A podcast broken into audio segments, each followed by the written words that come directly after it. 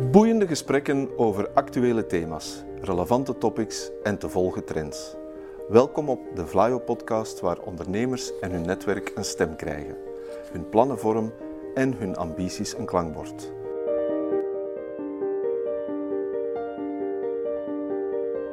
To the point waar het kan, dieper gravend waar het moet. Inspirerend, informerend, ondersteunend. Van artificial intelligence, blockchain en circulaire economie tot digitale zorg. Wij knopen het in jouw oren.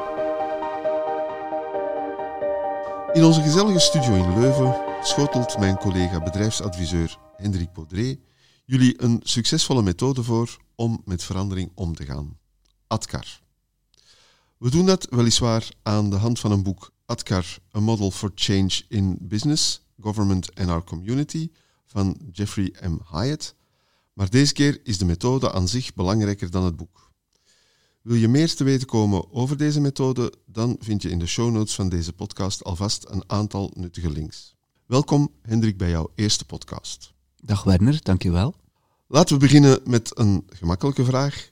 ADKAR is een acroniem. Waar staan de letters A, D, K, A en R voor? ADKAR staat voor uh, de vijf letters awareness, het zich bewust zijn, maar dat is dan het bewustzijn van de nood aan verandering, niet alleen het bewustzijn van de verandering. Dus bewustwording.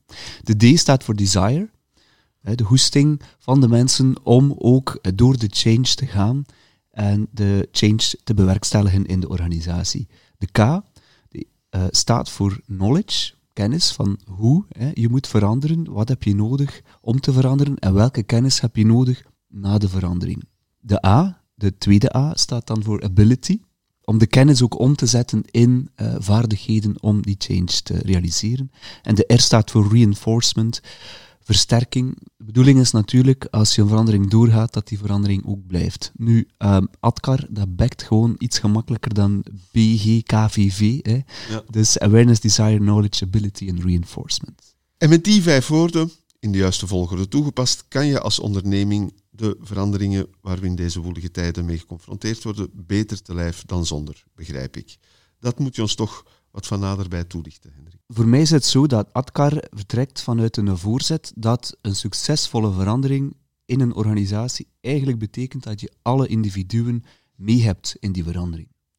ADKAR houdt dus rekening met de menselijke psychologie van hoe mensen een verandering doormaken. En ik vind dat je dat individuele aspect eigenlijk al meteen merkt vanaf de eerste stap, die awareness. De mensen moeten zich bewust zijn van de nood aan verandering. En daarin verschilt ADKAR ook van andere uh, change-methodologieën en theorieën. Deze methode richt zich niet zozeer op de processen, maar op de mensen. En oh ja, eerlijk gezegd, voor mij lijkt deze methode nogal gebaseerd op gezond boerenverstand. Je hoeft ook niet opgeleid te zijn in deze methodologie om ze te kunnen uitleggen of om ermee aan de slag te gaan.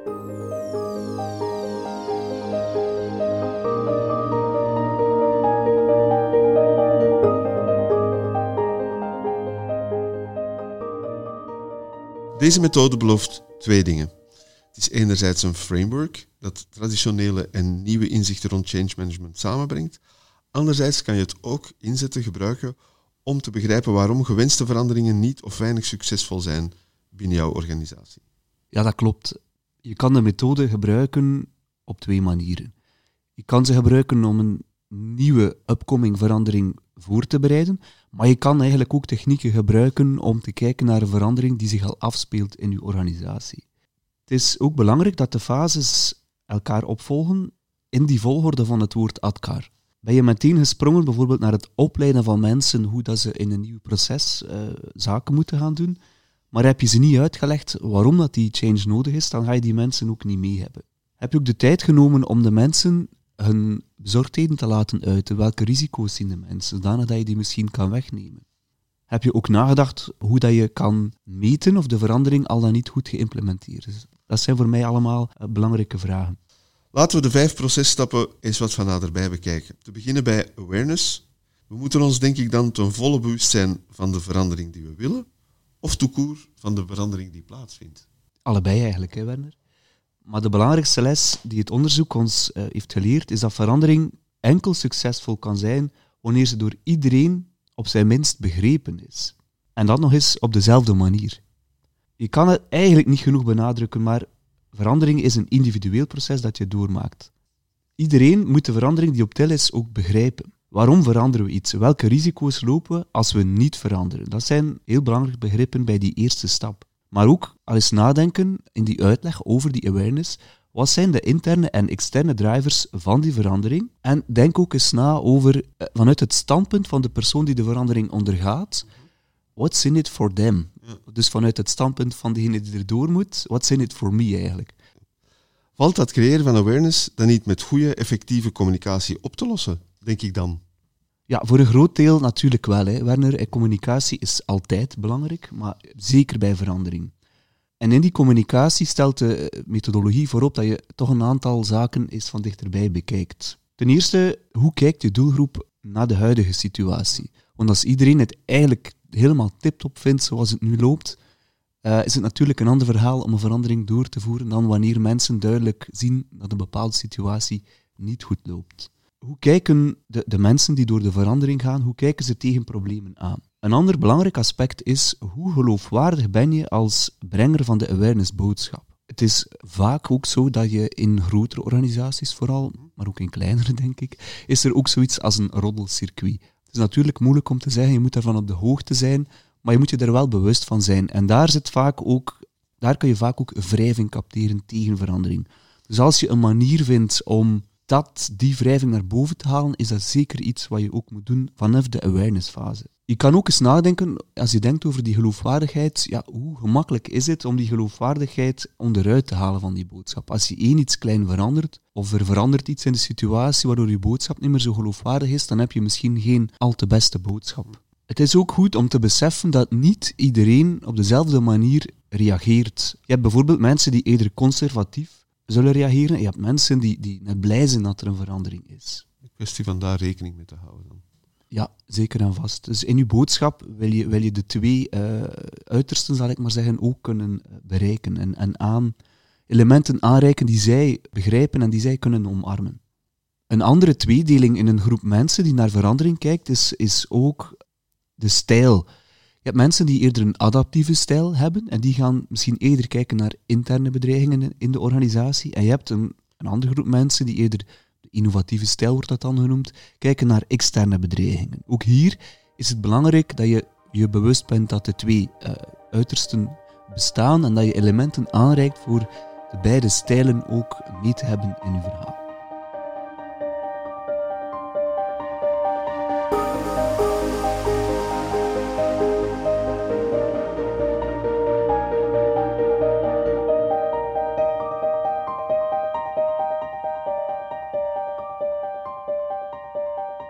Eens onze awareness is aangewakkerd, kunnen we overstappen naar de volgende fase, desire. Wat zijn daar de belangrijkste learnings en valkuilen? Die zegt het inderdaad, die kan pas komen na de awareness. Je kan moeilijk hoesting krijgen in iets waarvan je nog niet bewust bent dat het nodig is of dat het er überhaupt is. Desire, uh, ja, eigenlijk gaat dat over motivatie. In hoeverre zijn mensen bereid om de verandering te omarmen? Die beslissing om die verandering te omarmen, die ligt bij die individuen in de organisatie. En eigenlijk, op goesting zelf heb je geen directe controle natuurlijk. En dat is ook een fout die regelmatig voorkomt. Dat mensen denken, ja, ik heb ze toch verteld over de, de verandering, ik heb ze verteld waarom die nodig is. De desire zal wel, de goesting zal wel komen. Dat is niet per se waar. Eigenlijk stelt het, het boek ook voorop dat je je bewust moet zijn van een aantal factoren die uh, de motivatie bepalen om in een verandering te participeren. En daar zijn eigenlijk vier factoren waar je eens over kan nadenken. Ten eerste is er natuurlijk de gewenste verandering zelf. De tweede is de cultuur van de organisatie waarin die verandering wil gaan plaatsvinden. Dat gaat ook heel sterk de goesting bepalen van mensen. Misschien een voorbeeldje, mensen die al 15 grote veranderingen hebben meegemaakt op drie jaar tijd, hè, die zijn typisch verandermoe. Daar moet je zeker rekening mee gaan houden. Wat ook meespeelt bij uh, hoesting van mensen is natuurlijk de persoonlijke situatie thuis. Heb je net uh, een babytje gekregen bijvoorbeeld en ben je eigenlijk supermoe, dan ben je misschien gewoon ook minder bereid om een nieuwe verandering te omarmen. Ja. En het laatste puntje is de intrinsieke motivatie van mensen. Je hebt mensen die sowieso al gemotiveerd zijn om naar het werk te komen en, en blij zijn met veranderingen. Andere mensen die motivatie, intrinsieke motivatie, draait misschien op een lager pitje op het werk of worden anders intrinsiek gemotiveerd of hebben een totaal andere motivatie dan diegene die je eigenlijk zoekt om je change te realiseren. Als organisatie, als uh, verandertrekker in een organisatie, heb jij maar impact op de eerste twee, dus op de gewenste verandering zelf en een stukje op de cultuur van je bedrijf. In die desire fase is het ook belangrijk, ik heb het daarnet aangehaald, maar dat je die what's in it for me heel sterk gaat uh, benaderen. En zorg er ook voor dat de change bespreekbaar is, gewoon van mens tot mens. Uh, dit boek stelt helemaal niet voorop om hele grote uh, communicatieverhalen op te zetten. Dat is belangrijk, communicatie is belangrijk, maar ze stellen ook heel hard voorop om een één-op-één relatie te gaan. Die mensen met een geloofwaardige rol, dat die ook aanspreekbaar zijn. En dat je een warme context creëert rond die verhaal.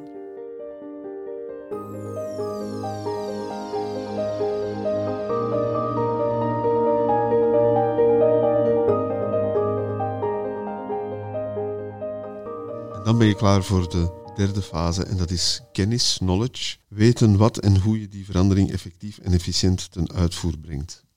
Ja, dat, dat klinkt ook gewoon logisch. Hè? Dus wij zijn ons bewust van de nood voor de verandering. We hebben nu goesting om te veranderen. Ja, nu moet ik wel weten wat ik moet doen, hoe ik het moet doen, uh, wat de impact is op mij, hoe ik straks anders moet gaan werken. Dat zijn allemaal zaken in die knowledge fase. Dat kan gaan over nieuwe processen, procedures, maar dat kan ook zijn dat er gewoon nieuwe informatie, andere informatie beschikbaar moet zijn. En dat is wel iets wat vaak uh, vergeten wordt in een change traject, is dat al die kennis ter beschikking wordt gesteld. Dat is een investering, dat vraagt tijd van mensen, dat vraagt waarschijnlijk ook geld van een organisatie om dit klaar te maken. Maar nogmaals, je moet echt het traject proberen volgen van ja, mensen zijn zich bewust, hebben goesting, dan moet je echt zorgen dat je op het juiste moment klaar staat met al die kennis aan te reiken, die die mensen met goesting dan ook kunnen oppakken en gelijk een spons absorberen, zodat ze straks deel zijn van die change. Na de knowledge fase, de kennisfase, komen we bij ability. Dat vind ik voor mij het meest vage. Wat, wat, wat is daar het belangrijkste of wat moeten we daarvan onthouden? Ja, ability. De, de vaardigheden kunnen. Hè. Dat is um, je bent er wel doordrongen dat de change nodig is, je hebt er goestingen en je hebt, je hebt zaken geleerd, maar nu moet je het gaan doen in je dagdagelijkse routine.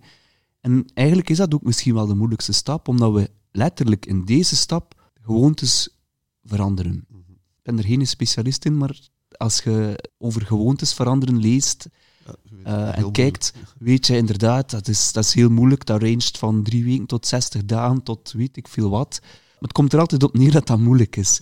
En dit is net de fase waarin dat echt naar boven komt. Want nu heb je misschien wel geleerd hoe je anders moet werken, maar nu moet je het ook echt gaan doen. Het is ook in deze fase dat je misschien voor de eerste keer psychologische belemmeringen gaat merken bij mensen. Misschien worden mensen wat geremd vanuit de angst van het nieuwe. En dat gaat hier vooral naar boven komen. Daarvoor zat je in die theoretische fase. Oh ja, ja, ja, leuk, goed, we gaan veranderen, ja, ik geloof erin. Maar nu moet ze het voor de eerste keer doen dat kan ver gaan. Hè. Misschien moet heb je een operator die op een andere manier uh, een lijn moet gaan bedienen. Dat is dan nu de eerste keer. Die, die werkt in een, een omgeving waarin dat die hè, productie belangrijk is en dat moet blijven draaien. Dus die, die, die persoon, die man of vrouw, voelt die een stress van dat moet er blijven draaien. Nu staat hij aan die nieuwe band, nu moet dat werken. Dus moeten we die personen allemaal goed opleiden. Eigenlijk moet al het materiaal voorhanden zijn. Moet uw trainingsmateriaal er zijn moeten er uh, mogelijkheden zijn om vragen te stellen. Moet je personen hebben die kunnen inspringen op het juiste moment met kennis van zaken. Het is ook heel belangrijk dat, u, dat de leidinggevenden, of de, de influencers zal ik ze even noemen, hier ook nog altijd betrokken zijn. Dit is ook een fase waarin je gaat beginnen opvolgen. Je moet heel goed nadenken over, oké, er wordt op een nieuwe manier gewerkt, hoe ga ik nu eh, in die ability opvolgen dat er op die nieuwe manier goed gewerkt wordt? Zodanig dat je kan bijsturen. Niet met, niet met de stok op de vingers, maar opnieuw ondersteunend. Misschien is er opnieuw nood aan een stuk bijkomende opleiding, bijvoorbeeld. Ability associeer ik met werkbaar werk. Um, ik heb gehoord van digital twins, waarmee mijn productieomgevingen digitaal probeert na te maken om te kijken of veranderingen in zo'n processen werken. Spelen die op dat ability-vlak een rol, denk je? Ja nee. Ik denk dat ze misschien eerder op het knowledge-vlak uh, gaan ondersteunen. Want het is toch net altijd anders als je die zaken dan letterlijk voelt hè, voor de eerste keer. Ook in de bouw van een digital twin, dat die 100% evenaart, uh, lijkt mij sterk. Uh, er zullen altijd nog zaken misgaan, dus het kan een, een extra stap zijn, maar het zal het nooit vervangen om echt in de fysieke wereld ook te werken op die ability.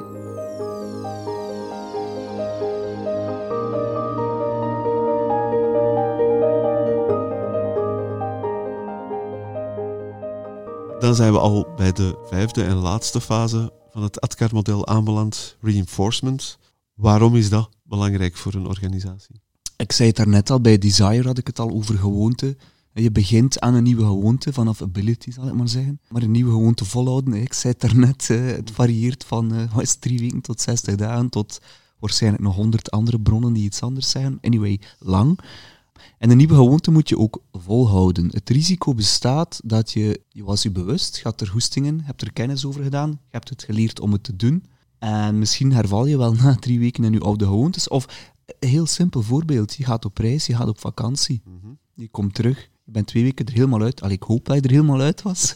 twee weken eh, eruit geweest, je komt terug, je brain is nog, ja. is nog wired in the old way en um, je hervalt misschien terug. En dat is waar deze fase eigenlijk op wil, wil inspelen. En dat is ook waar het finaal vaak misloopt, denk ik, is dat daar geen aandacht aan wordt besteed. Dus dat je kan afvinken van ja, ik heb ze alles geleerd, we hebben gecommuniceerd, uh, we hebben training gehad, klaar. Nee, je moet het blijven vasthouden.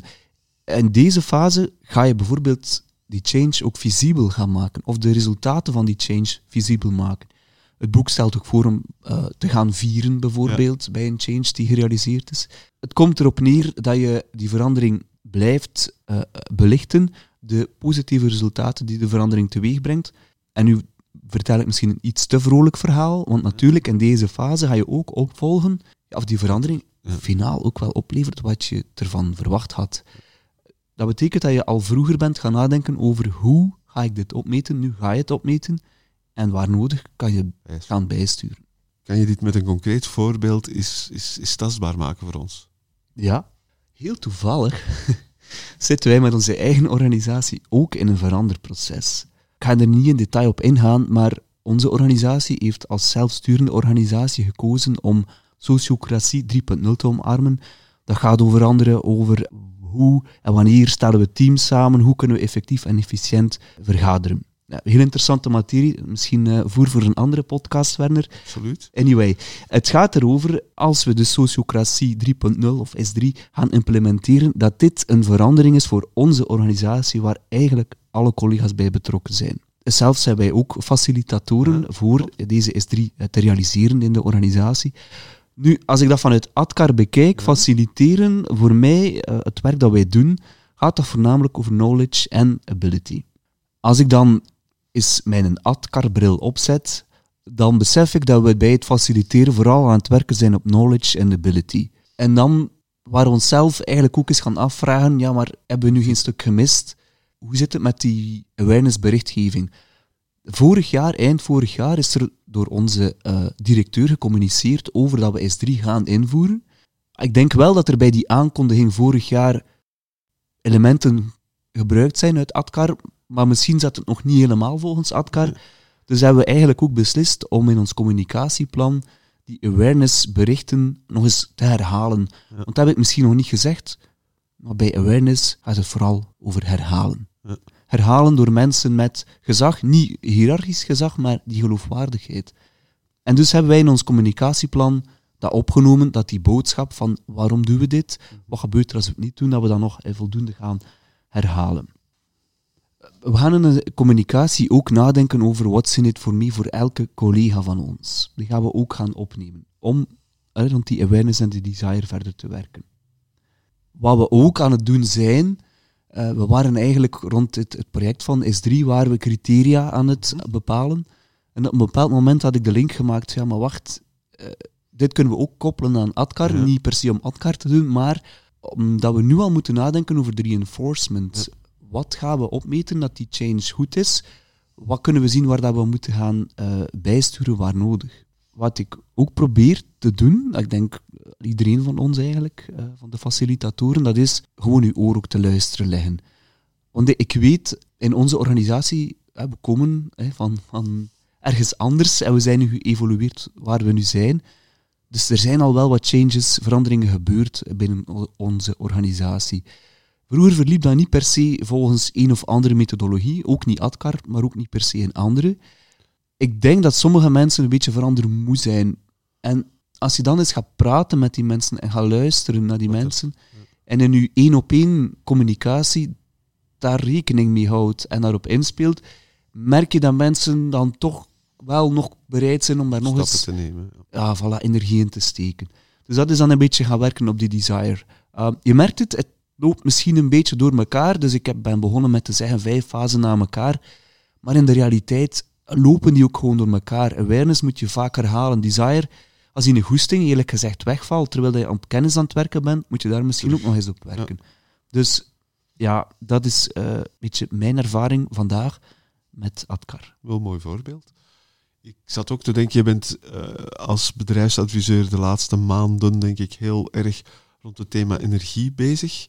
Uh, waar toch wel een aantal veranderingen in die sector ook plaatsvinden. En ik dacht van, is dat iets waar je dat Adcar-model of die Adcar-bril ook op kan richten? Ik zie eigenlijk geen reden waarom Adcar niet geschikt zou zijn voor een bepaalde sector. En dat is wat mij betreft ook de sterkte van uh, dit uh, model of deze methode. Natuurlijk, als je het hebt over de energiesector of energie in ruime zin, dan hebben we daar wel een cadeau gekregen, helaas zal ik zeggen. Dat is, er is een enorme awareness ontstaan. Ja, dat, dat op zijn minst. Ja, dus da daar moet je vandaag al wat minder op werken. Maar, ik zei het eerder al, het is niet omdat er grote awareness is, dat er opeens ook een grote desire is, een grote goesting is, om er iets op te gaan doen. En in een ruimere context zou je kunnen zeggen dat er op vlak van energie vandaag een grote verandering aan het plaatsvinden is, waarbij men toch mikt op minder energieverbruik en ook een stuk verplaatsing naar groenere energie. Die verandering is, is bezig. Zijn we er al? Nee, maar die verandering is ingezet. Dat is ook wat we willen ondersteunen vanuit Vlaanderen. Wat ik, wat ik merk dat er nu bij de KMO's, zal ik maar zeggen, ja. misschien de stap die nu aan het gebeuren is, is eigenlijk energiemonitoring, energiemeting. Eigenlijk is dat ook een stuk die een awareness. Dat weet je tenminste hè, waarover dat, dat het precies gaat. En dat op zich is eigenlijk al niet evident. Uh, ik merk dat er nog KMO's zijn die dat vandaag niet hebben, die niet ja. weten op een voldoende gedetailleerd niveau waar het energieverbruik precies zit. Of er misschien er energielekken, eh, standby ja. of, of weet ik veel wat, eh, plaatsvindt. Je zou kunnen zeggen dat door te gaan meten dat je eigenlijk een stuk kennis gaat opdoen. Maar natuurlijk, die moet je dan wel nog gaan verrijken met de kennis over hoe je het beter, beter kan gaan doen. Hoe kan je efficiënt met energie gaan omgaan? Als je dan die kennis zou hebben, heb je eigenlijk nog de ability nodig om het anders te gaan doen. Ik gaf daarnet het voorbeeld van een operator. Misschien heb je inderdaad mensen in de organisatie die bepaalde flows, processen, toestellen beheren en beheersen, die voor groot energieverbruik zorgen. Dus dat betekent dat die mensen zich daar ook bewust van gaan moeten zijn en ook in hun dagdagelijkse taken waarschijnlijk een aantal zaken anders gaan doen. Een andere ability die volgens mij ook hier sterk op de voorgrond komt, is digitalisering. Dat is wat je merkt, meer en meer processen worden, nadat ze gemeten worden, in een later fase ook gestuurd. En dat is dan digitalisering, opnieuw. Het is ook een stap die moet gezet worden binnen veel eh, KMO's. Omgekeerd ook mogelijkheden voor KMO's om op die knowledge en die ability te gaan werken en daar ook diensten of aanbod rond te creëren, denk ik dan. Ja, precies. Uh, dat kan je inderdaad, als je dan daar goed rond gewerkt hebt, kan je er misschien zelf ook iets mee gaan doen naar buiten toe, dat klopt. Het gaat in die ability ook over een stuk professionalisering. En ik ben eigenlijk heel blij om, om vast te stellen, omdat ik graag die link ook maak natuurlijk, dat wij met Flyo daar ook net ondersteunen. Hè. We ondersteunen digitalisering, wij ondersteunen professionalisering. En finaal, hè, als je zou beslissen als bedrijf om een investering te doen, dus even buiten de ADCAR-radar, maar ook daar willen wij gaan ondersteunen als het gaat over energieefficiëntie en vergroening van energie. En dat vind ik heel mooi en op het juiste moment dat we die ondersteuning bieden met Fly.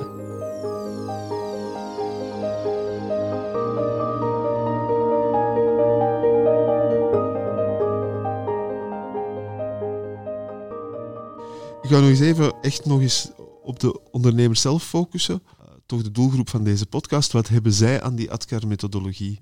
Waarom zou je het hen aanraden om uh, te gebruiken of toe te passen? Ondernemers hebben vandaag al, al heel wat aan hun hoofd. En of ze het nu willen of niet, uh, ze moeten ook door redelijk wat eh, kleine en minder kleine veranderingen.